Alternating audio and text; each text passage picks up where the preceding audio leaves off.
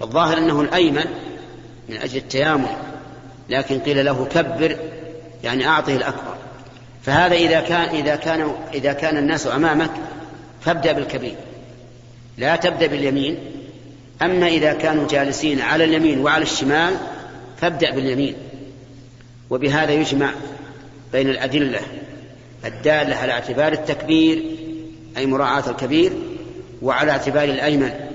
أي مراعاة الأيمن فنقول إذا كانت القصة كما جاء عن النبي عليه الصلاة والسلام أنه كان معه إناء يشرب منه وعلى, يس وعلى يساره الأشياخ وعلى يمين ابن عباس فأعطاه ابن عباس رضي الله عنه لأنه هو الأيمن. وقال أيمنون أيمنون فإذا كان هكذا فأعطه على من على يمينك. أما الذين أمامك فابدأ بالكبير. كما تدل عليه السنة وهذا هو وجه الجمع بينهما. ثم إن أن الإنسان إذا أعطاه الكبير يعني ما صب الفنجان وأعطاه الكبير فمن يعطي بعده؟ هل هو اللي على يمين الكبير ويكون عن يسار الصاب أم الذي عن يمين الصاب؟ نقول يبدأ بالذي عن يمين الصاب. وإن كان على يسار الكبير. لأن لأننا إذا اعتبرنا التيامن بعد مراعاة الكبر فالذي على يمينك هو الذي عن يسار مقابلك فتبدأ به. ما لم يسمح بعضهم لبعض ويقول أعطه فلان أعطي فلان فالحق لهم. لهم أن يسقطوه. والله أعلم. الله تعالى باب زيارة أهل الخير ومحبتهم وصحبتهم وطلب الزيارة منهم. أهل الخير هم أهل, أهل العلم والإيمان والصلاح. ومحبتهم واجبة لأن أوثق عرى الإيمان الحب في الله والبغض في الله. كما كان الإنسان محبته تابعة لمحبة الله وبغضه تابع تابعا لبغض الله فهذا هو الذي ينال ولاية الله عز وجل. وأهل الخير إذا جالستهم فأنت على خير. لأن النبي صلى الله عليه وآله وسلم مثل الجليس الصالح بحامل المسك إما أن يحذيك يعني يعطيك وإما أن يبيعك يعني يبيع عليك وإما أن تجد منه رائحة طيبة. وكذلك ينبغي أن تطلب منهم أن يزوروك ويأتوا إليك لما في جيتهم لما في مجيئهم إليك من الخير. ثم ذكر المؤلف قصة موسى عليه الصلاة والسلام مع الخضر فإن موسى قال لفتاه لا أبرح لا أبرح حتى أبلغ مجمع البحرين أو أمضي حقبا لأن الله أخبره بأن له عبدا من عباد الله آتاه الله رحمة منه وعلمه من لدنه علما. فذهب موسى يطلب هذا الرجل حتى لقيه وذكر الله تعالى قصتهما مبسوطة في سورة الكهف وسيأتي الكلام عليها إن شاء الله. والله أعلم. نقل المؤلف رحمه الله تعالى عن أنس بن مالك رضي الله عنه قال قال أبو بكر لعمر رضي الله عنهما بعد وفاة رسول الله صلى الله عليه وسلم انطلق بنا إلى أم أيمن رضي الله عنها نزورها. كما كان رسول الله صلى الله عليه وسلم يزورها. فلما انتهيا إليها بكت فقالا لها ما يبكيك؟ أما تعلمين أن ما عند الله خير لرسول الله صلى الله عليه وسلم؟ فقالت إني لا أبكي. إني لا أعلم أن ما عند الله تعالى خير. خير لرسول الله صلى الله عليه وسلم. ولكن أبكي أن الوحي قد انقطع من السماء فهيجتهما على البكاء فجعلا يبكيان معها. رواه مسلم. وعن أبي هريرة رضي الله عنه عن النبي صلى الله عليه وسلم قال إن رجلا زار أخا له في قرية أخرى فأرصد الله تعالى على مدرجته ملكا فلما أتى عليه قال أين تريد؟ قال أريد أخا لي في هذه القرية. قال هل قال هل لك عليه من نعمة من نعمة تربها عليه قال لا غير أني أحببته في الله. قال فإني رسول الله إليك. بأن الله قد أحبك كما أحببته فيه رواه مسلم.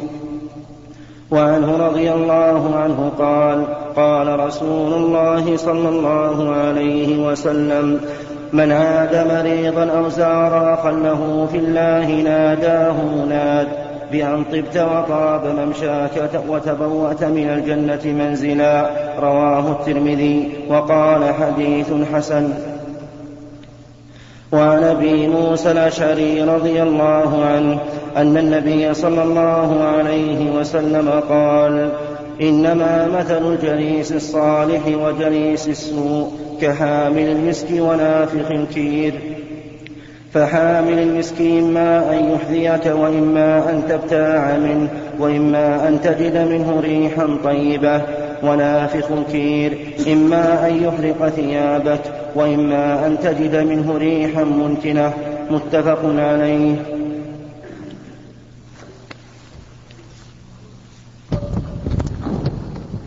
بسم الله الرحمن الرحيم. هذه الأحاديث في بيان فضل زيارة الإخوان بعضهم لبعض والمحبة في الله عز وجل.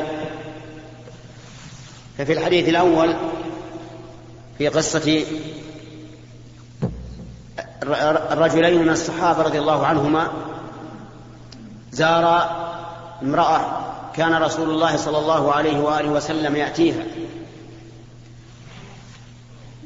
فزاراها من أجل إتيان النبي صلى الله عليه وآله وسلم إياها فلما جلس عندها بكت فقال لها ما يبكيك؟ أما تعلمين أن ما عند الله سبحانه وتعالى خير لرسوله يعني من خير من الدنيا فقالت إني لا أبكي لذلك ولكن أبكي لانقطاع الوحي. لأن النبي صلى الله عليه وآله وسلم لما مات انقطع الوحي فلا وحي بعد رسول الله صلى الله عليه وآله وسلم. ولهذا أكمل الله شريعته قبل أن يتوفى. فقال تعالى اليوم أكملت لكم دينكم وأتممت عليكم نعمتي ورضيت لكم الإسلام دينا. فجعل يبكيان لانها ذكرتهما بما كان قد نسياه وأما الأحاديث الأخرى ففيها أيضا فضل الزيارة لله عز وجل. وأن الله سبحانه وتعالى يثيب من زار أخاه أو عاده في مرضه فيقال له طبت وطاب ممشاك ويقال لمن زار أخاه لغير أمر دنيوي ولكن لمحبته في الله يقال له إن الله أحبك كما أحببته فيه. والزيارة لها فوائد مع هذا الفضل العظيم والأجر أنها تؤلف القلوب وتجمع الناس وتذكر الناس وتنبه الغافل وتعلم الجاهل وفيها مصالح كثيرة يعرفها من جربها. وأما عيادة المريض فهو كذلك أيضا فهي كذلك أيضا فيها من المصالح والمنافع شيء كثير. وقد سبق لنا أنها من حقوق المسلم على المسلم. أن يعوده إذا مرض ويذكره بالله عز وجل بالتوبة والوصية وغير ذلك مما يستفيد منه. فهذه الأحاديث وأشباهها كلها تدل على أنه ينبغي للإنسان أن يفعل ما فيه المودة والمحبة لإخوانه من زيارة وعيادة واجتماع وغير ذلك. نسأل الله لنا ولكم التوفيق لما يحب ويرضى. نقل المؤلف رحمه الله تعالى عن أبي هريرة رضي الله عنه عن النبي صلى الله عليه وسلم قال تنكح المرأة لأربع لمالها ولحسبها ولجمالها ولدينها فاظفر بذات الدين تربت يداك متفق عليه. وعن ابن عباس رضي الله عنهما قال قال النبي صلى الله عليه وسلم لجبريل ما يمنعك أن تزورنا أكثر مما تزورنا؟ فنزلت وما نتنزل إلا بأمر ربك له ما بين أيدينا وما خلفنا وما بين ذلك. رواه البخاري.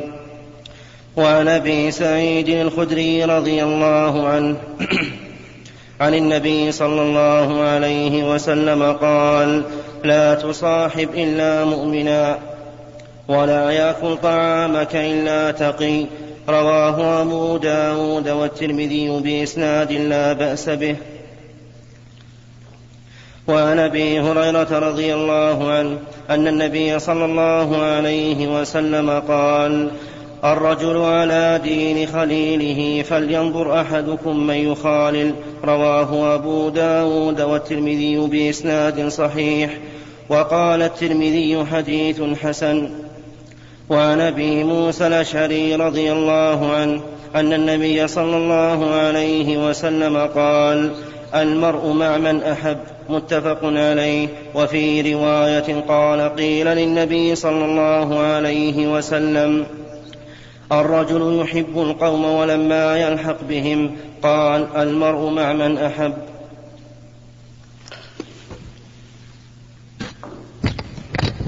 بسم الله الرحمن الرحيم.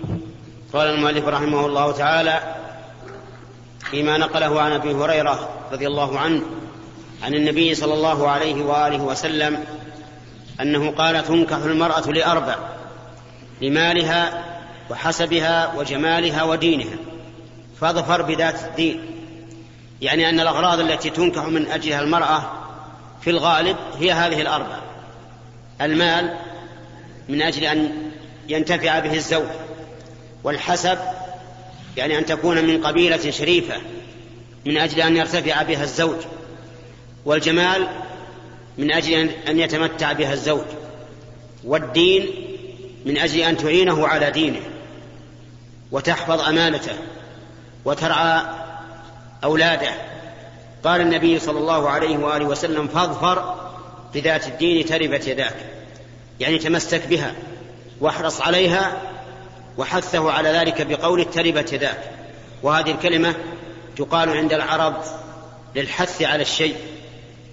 ثم ذكر المؤلف أيضا حديث جبريل أن النبي صلى الله عليه وآله وسلم قال ألا تزورنا أكثر مما تزورنا. فنزلت وما نتنزل إلا بأمر ربك. له ما بين أيدينا وما خلفنا وما بين ذلك وما كان ربك نسيا. ففي هذا الحديث طلب زيارة أهل الخير إلى بيتك تطلب منهم أن يزوروك من أجل أن تنتفع بصحبتهم. وكذلك في حديث أبي هريرة صحبة المرأة الدينة تعينك على على دين الله. وقد سبق أيضا في الدرس الماضي أن مثل الجليس الصالح كحامل المسك. إما أن يحذيك يعني يعطيك منه أو يبيعك أو تجد منه رائحة طيبة. ثم ذكر المؤلف أحاديث بهذا المعنى مثل ما يروى عن النبي صلى الله عليه وآله وسلم أنه قال المرء على دين خليله فلينظر أحدكم من يخالل يعني أن الإنسان يكون في الدين وكذلك في الخلق على حسب من يصاحبه. فلينظر من يصاحب فإن صاحب أهل خير صار منهم وإن صاحب سواهم صار مثلهم. فالحاصل أن هذه الأحاديث وأمثاله كلها تدل على أنه ينبغي للإنسان أن يصطحب الأخيار وأن يزورهم ويزوروه لما في ذلك من الخير. والله موفق. نقل المؤلف رحمه الله تعالى عن أنس بن مالك رضي الله عنه أن أعرابيا قال لرسول الله صلى الله عليه وسلم متى الساعة؟ قال رسول الله صلى الله عليه وسلم ما أعددت لها. قال حب الله ورسوله. قال أنت مع من أحببت. متفق عليه. وهذا لفظ مسلم. وفي رواية لهما ما أعددت لها من كثير صوم ولا صلاة ولا صدقة. ولكني أحب الله ورسوله. وعن ابن مسعود رضي الله عنه قال جاء رجل إلى رسول الله صلى الله عليه وسلم فقال يا رسول الله كيف تقول في رجل أحب قوما ولم يلحق بهم؟ فقال رسول الله صلى الله عليه وسلم المرء مع من أحب متفق عليه. وعن أبي هريرة رضي الله عنه عن النبي صلى الله عليه وسلم قال الناس معادن كمعادن الذهب والفضة خيارهم في الجاهلية خيارهم في الإسلام إذا فقهوا. والأرواح جنود مجندة فما تعارف منها ائتلف وما تناكر منها اختلف. وعن عمر بن الخطاب رضي الله عنه قال استأذنت النبي صلى الله عليه وسلم في العمرة فأذن لي وقال لا تنسنا يا أخي من دعائك. فقال كلمة ما يسرني أن لي بها الدنيا وفي رواية وقال أشركنا يا أخي في دعائك. حديث صحيح رواه أبو داود والترمذي وقال حديث حسن صحيح. وعن عبد الله بن عمر رضي الله عنهما قال كان رسول الله صلى الله عليه وسلم يزور قباء راكبا وماشيا فيصلي فيه ركعتين متفق عليه. وفي رواية كان النبي صلى الله عليه وسلم يأتي مسجد قباء كل سبت راكبا وماشيا وكان ابن عمر يفعله. رحيم هذه الأحاديث تتعلق بالباب الذي عقده المؤلف في أنه ينبغي إكرام العلماء وتوقيرهم واحترامهم ولا مصاحبة أهل الخير والصلاح. وزيارتهم ودعوتهم للزيارة وما أشبه ذلك. ففيه الحديث الأول عن أنس بن مالك رضي الله عنه أن اعرابيا قال يا رسول الله متى الساعة؟ فقال له النبي صلى الله عليه وسلم ماذا أعددت لها؟ قال حب الله ورسوله.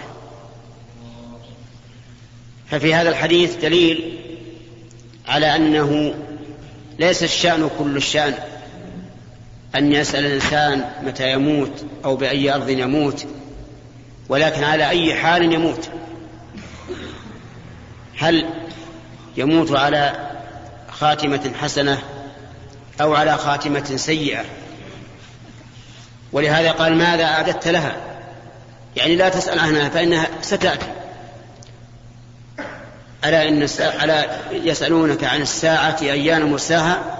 يسألك الناس عن الساعة قل إنما علمها عند الله وما يدريك لعل الساعة تكون قريبا. وما يدريك لعل الساعة قريب. لكن الشأن ماذا أعددت لها؟ هل عملت؟ هل أنبت إلى ربك؟ هل تبت من ذنبك؟ هذا هو المهم.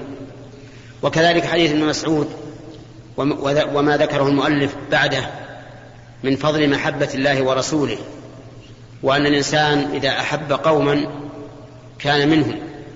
قال النبي صلى الله عليه وآله وسلم المرء مع من أحب. قال أنس فما فرحنا بعد الإسلام بشيء فرحنا بهذا الحديث فأنا أحب الله ورسوله أحب رسول الله صلى الله عليه وآله وسلم وأحب أبا بكر وعمر. فالمرء مع من أحب لأنه إذا أحب قوما فإنه يألفهم ويتقرب منهم ويتخلق بأخلاقهم ويقتدي بأفعالهم كما هي طبيعة البشر. وأما حديث عمر بن, عمر بن الخطاب رضي الله عنه أنه أراد أن يعتمر فقال له النبي صلى الله عليه وسلم لا تنسنا من دعائك أو أشركنا في دعائك فحديث ضعيف وإن صححه المؤلف. لكن المؤلف رحمه الله له طريقة وهي أنه ما كان من فضائل الأعمال فإنه يتساهل به. وهذا وإن كان يصدر عن حسن نية لكن الواجب اتباع الحق. فالصحيح صحيح والضعيف ضعيف وفضائل الأعمال تدرك بغير هذا أي بغير تصحيح الأحاديث الضعيفة نعم أمر النبي عليه الصلاة والسلام من رأى ويس القرني أو القرني أن يطلب منه الدعاء لكن هذا خاص به لأنه كان رجلا بارا بأمه فأراد الله سبحانه وتعالى أن يرفع ذكره في هذه الدنيا قبل جزاء الآخرة. ولهذا لم يأمر النبي عليه الصلاة والسلام أن يطلب أحد من أحد أن يدعو له مع أنه أفضل من ويس فأبو بكر أفضل من ويس بلا شك. وغيره من الصحابة أفضل منه من حيث الصحبة. وما أمر النبي عليه الصلاة والسلام أحدا أن يقول اجعلوا أبا بكر اجعلوا عمر أو ما أشبه ذلك يدعو لكم. فالصواب لا ينبغي أن يطلب الدعاء من غيره ولو كان رجلا صالحا. وذلك لأن هذا ليس من هدي النبي صلى الله عليه وآله وسلم. ولا من هدي خلفائه الراشدين. أما أما إذا كان الدعاء عاما يعني تريد أن تطلب من هذا الرجل الصالح أن يدعو بدعاء عام كأن تطلب منه أن يدعو الله تعالى بالغيث أو برفع الفتن عن الناس أو ما أشبه ذلك فلا بأس. لأن هذا لمصلحة غيرك كما لو سألت المال لفقير فإنك لا تلام على هذا ولا تذم. وكذلك النبي عليه الصلاة والسلام فإن سؤال الصحابة له من خصوصياته يسألونه أن يدعو الله لهم كما قال الرجل حين حدث النبي صلى الله عليه وآله وسلم عن سبعين ألفا الذين يدخلون الجنة بغير حساب ولا عذاب فقام عكاش بن محصن قال ادعو الله يجعلني منه. قال أنت منه. ثم قام رجل آخر فقال سبقك بها عكاشة. وكما قالت المرأة التي كانت تسرع طلبت من النبي صلى الله عليه وآله وسلم أن يدعو الله لها. فقال إن شئت دعوت الله لك وإن شئت صبرت ولك الجنة. فقالت أصبر ولكن ادعو الله ألا تنكشف عورتي.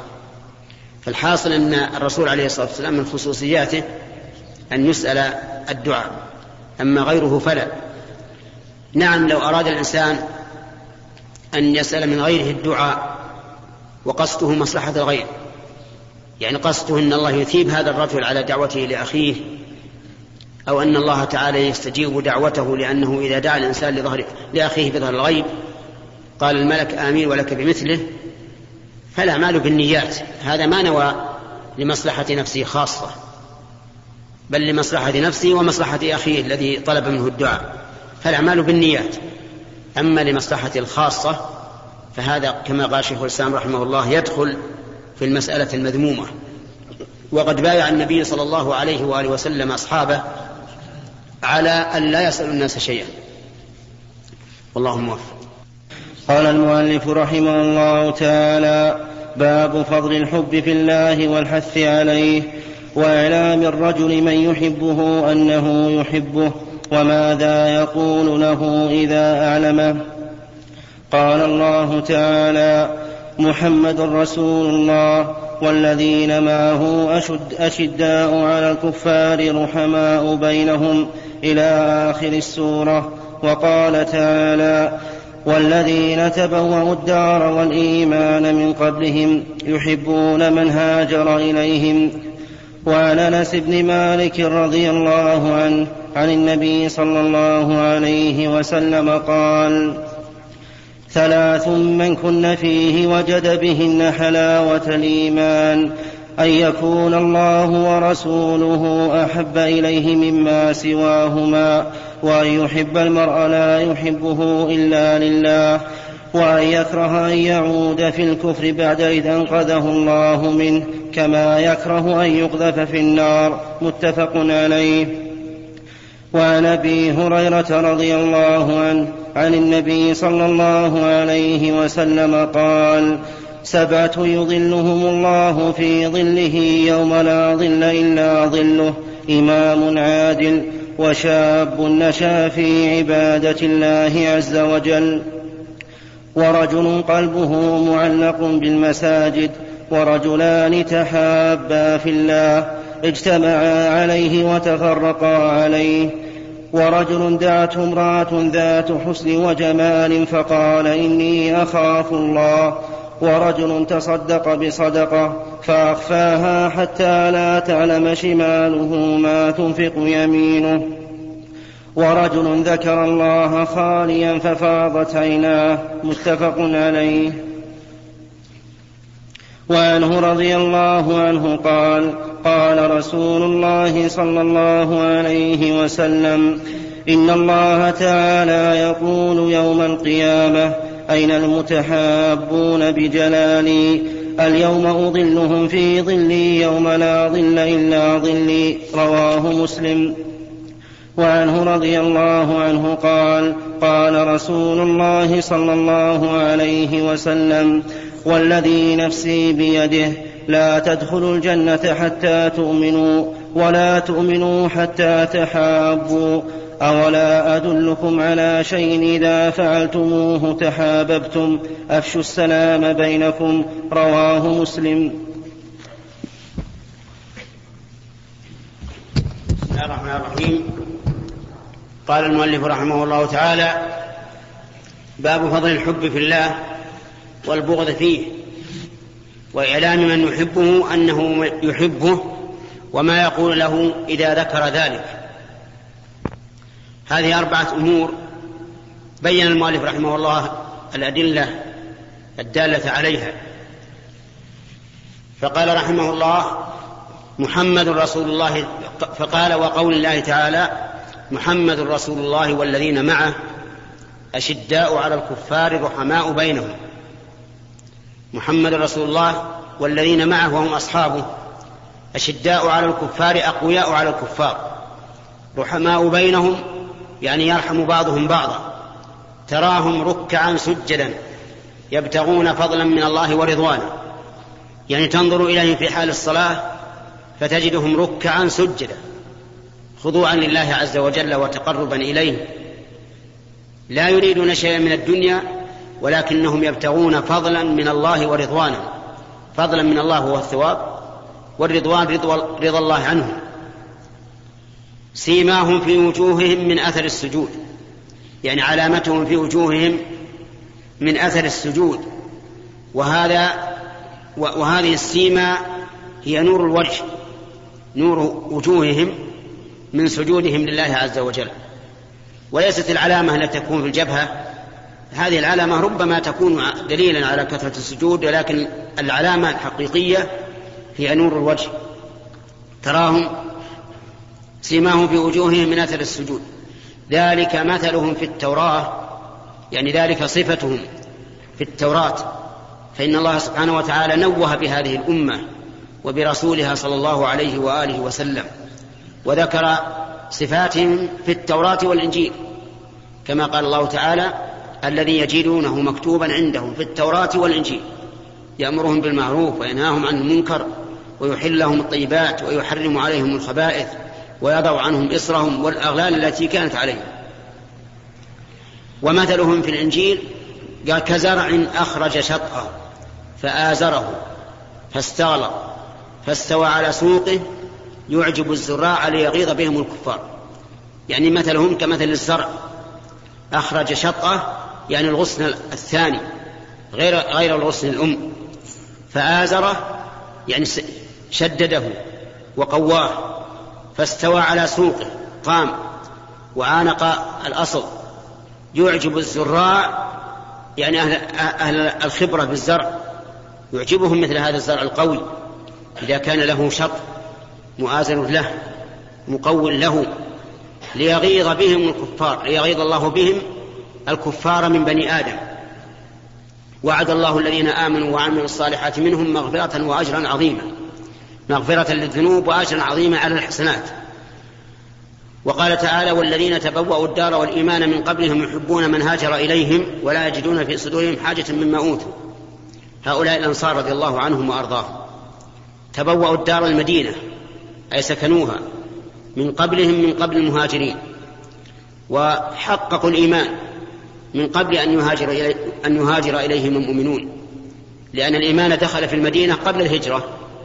تبوأوا الدار سكنوها. والإيمان حققوا الإيمان.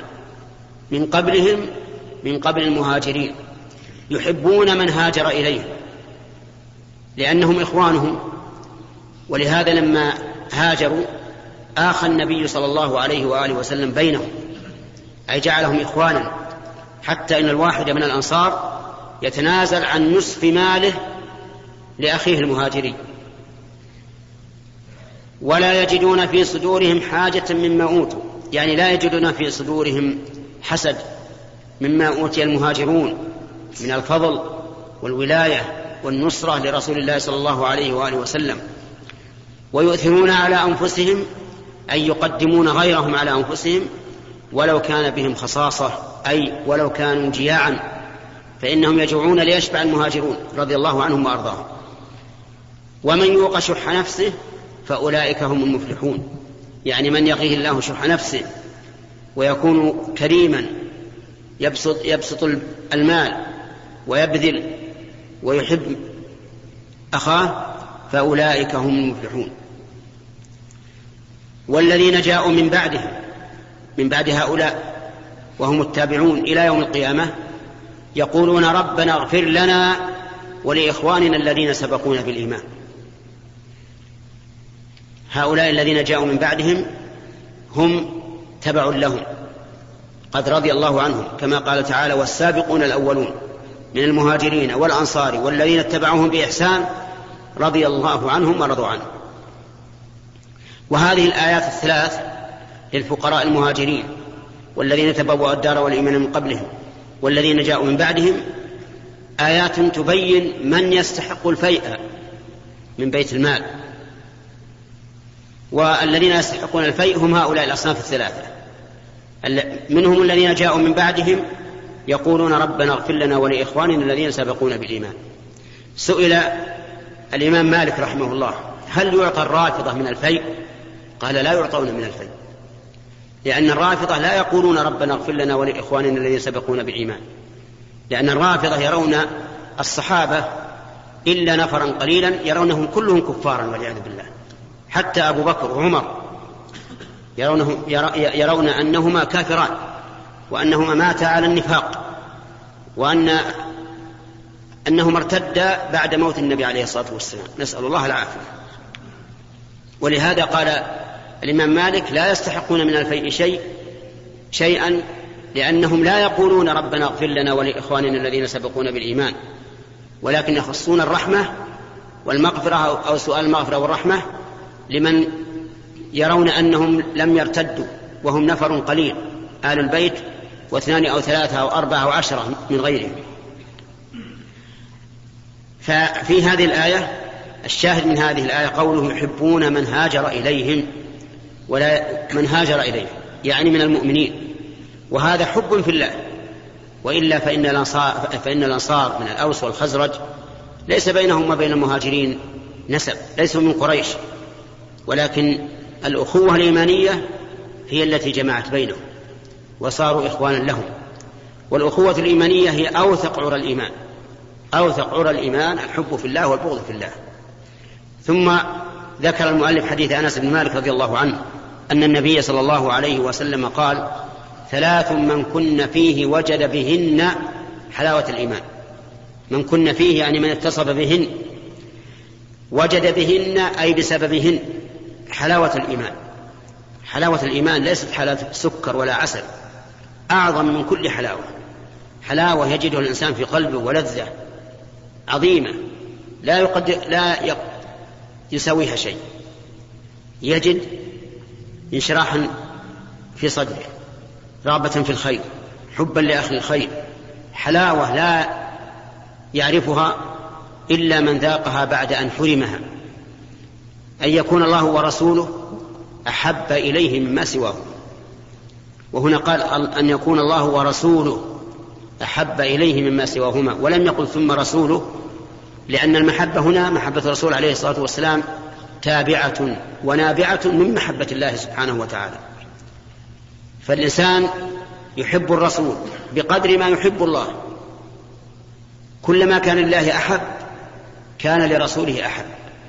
لكن مع الأسف أن بعض الناس يحب الرسول مع الله ولا يحب الرسول لله.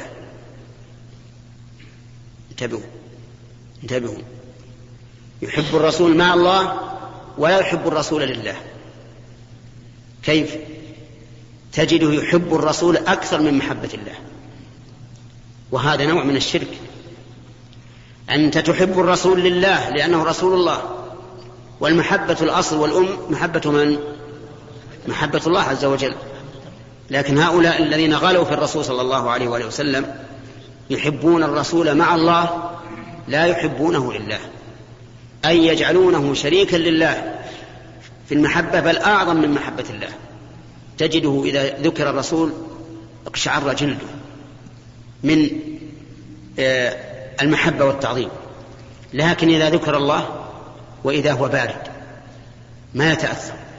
هل هذا هذا محبة نافعة للإنسان؟ لا ما تنفعه. هذه محبة شركية عليك أن تحب الله ورسوله. وأن تكون محبتك للرسول صلى الله عليه وآله وسلم تابعة. ونابعة لمح... نعم نابعة من محبة الله وتابعة لمحبة الله.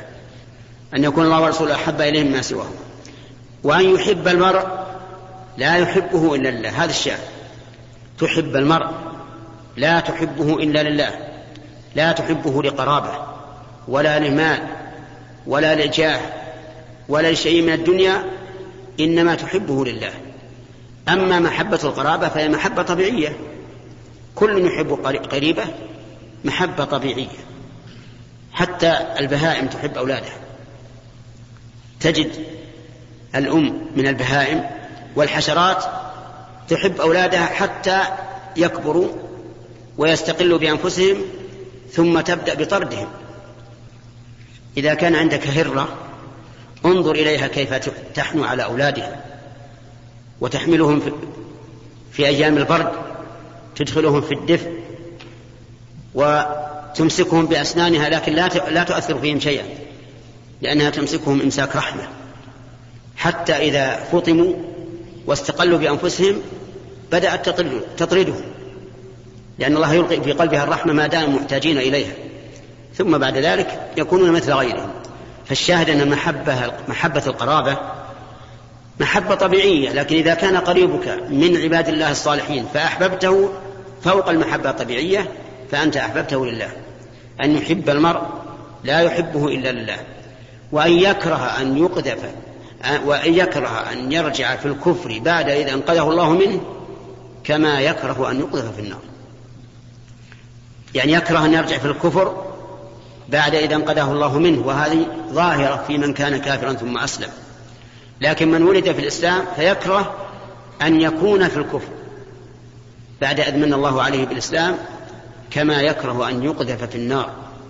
يعني أنه لو قذف في النار كان أهون عليه من أن يعود كافرا بعد إسلامه. وهذه ولله الحمد حال كثير من المؤمنين. كثير من المؤمنين لو قيل له تكفر أو نلقيك من أعلى شاهق في البلد أو نحرقك لقال أحرقوني ألقوني من أعلى شاهق ولا أرتد بعد إسلام. وهذا المراد الردة الحقيقية التي تكون في القلب. أما من أكره على الكفر فكفر ظاهرا لا باطنا بل قلبه مطمئن بالإيمان فهذا لا يضره. لقوله تعالى من كفر بالله من بعد إيمانه إلا من أكره وقلبه مطمئن بالإيمان ولكن من شرح بالكفر صدرا فعليهم غضب من الله ولهم عذاب عظيم.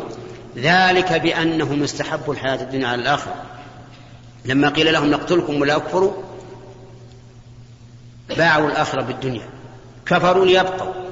فاستحبوا الدنيا على الآخرة وأن الله لا يهدي القوم الكافرين. نسأل الله لنا ولكم الهداية. وأن يكره أن يقذف أن يرجع في الكفر بعد أن ينقذه الله منه كما يكره أن يقذف في النار. وسيأتي إن شاء الله بقية الأحاديث الواردة في هذا الباب. المحبة في الله. ذكر المؤلف حديث أبي هريرة رضي الله عنه أن النبي صلى الله عليه وآله وسلم قال سبعة يظلهم الله في ظله يوم لا ظل إلا ظله. إمام عادل وشاب نشأ في طاعة الله ورجل قلبه معلق في المساجد ورجلان تحابا في الله اجتمع عليه وتفرق عليه.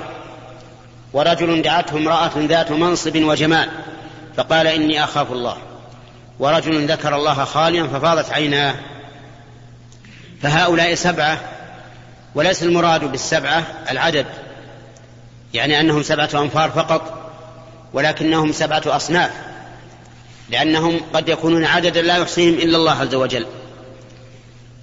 ونحن نتكلم على ما ساق المؤلف الحديث من أجله لأن هذا الحديث سبق لنا وقد شرحناه فيما سبق ولكن نتكلم على مسألة ظل فيها كثير من الجهال وهي قوله سبعة يظلهم الله في ظله يوم لا ظل إلا ظله حيث توهموا جهلا منهم أن هذا ظل الله نفسه وأن الله تعالى يظلهم من الشمس بذاته عز وجل. وهذا فهم خاطئ منكر. يقوله بعض المتعلمين الذين يقولون إن مذهب أهل السنة إجراء النصوص على ظاهرها. فيقال أين الظاهر؟ أين أن, يك... أين أن يكون ظاهر الحديث أن الرب جل وعلا يظلهم من الشمس؟ فإن هذا يقتضي أن تكون الشمس فوق الله عز وجل. وهذا شيء منكر. لا أحد يقول به من أهل السنة. لكن مشكلة الناس ولا سيما في هذا العصر أن الإنسان إذا فهم لم يعرف التطبيق. وإذا فهم مسألة ظن أنه أحاط بكل شيء علما. والواجب أن الإنسان يعرف قدر نفسه وأن لا يتكلم لا سيما في باب الصفات إلا بما يعلم من كتاب الله وسنة رسوله وكلام الأئمة. فمعنى يوم لا ظل إلا ظله أو يظلهم الله في ظله يعني الظل الذي لا يقدر على أحد عليه في ذلك الوقت لأنه في ذلك الوقت لا بناء يبنى ولا شجر يغرس ولا رمال تقام ولا أحجار تصفف ما في شيء. قال الله عز وجل ويسألونك عن الجبال فقل ينسفها ربي نسفا فيذرها قاعا صفصفا لا ترى فيها عوجا ولا أمتا ولا يضل الخلائق من الشمس شيء لا بناء ولا شجر ولا حجر ولا غير ذلك. لكن الله عز وجل يخلق شيئا يظلل به من شاء من عباده يوم لا ظل إلا ظله. هذا هو معنى الحديث. ولا يجوز أن يكون له معنى سوى هذا. والشاهد من هذا الحديث لهذا الباب قوله رجلان تحابا في الله اجتمعا عليه وتفرقا عليه. يعني أنهما جرت بينهما محبة لكنها محبة في الله لا في مال ولا جاه ولا نسب ولا أي شيء إنما هو محبة الله عز وجل. رآه قائما بطاعة الله متجنبا لمحارم الله. فأحبه من أجل ذلك. فهذا هو الذي يدخل في هذا الحديث. تحابا في الله. وقوله اجتمع عليه وتفرق عليه يعني اجتمع عليه في الدنيا. وبقيت المحبة بينهما حتى فرق بينهما الموت. تفرقا وهم على ذلك. وفي هذا إشارة إلى أن المتحابين في الله لا يقطع محبتهم في الله شيء من أمور الدنيا وإنما هم متحابون في الله لا يفرقهم إلا الموت.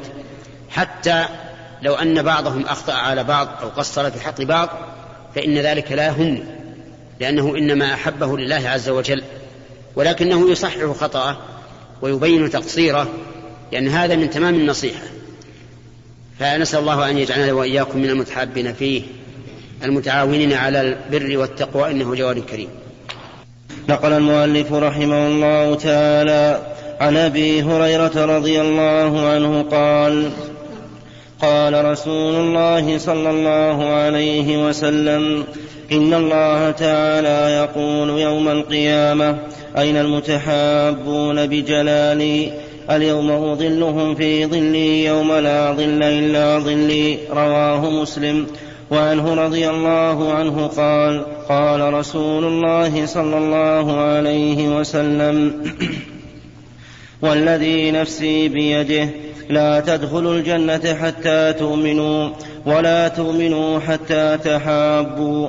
أولا أدلكم على شيء إذا فعلتموه تحاببتم؟ أفشوا السلام بينكم.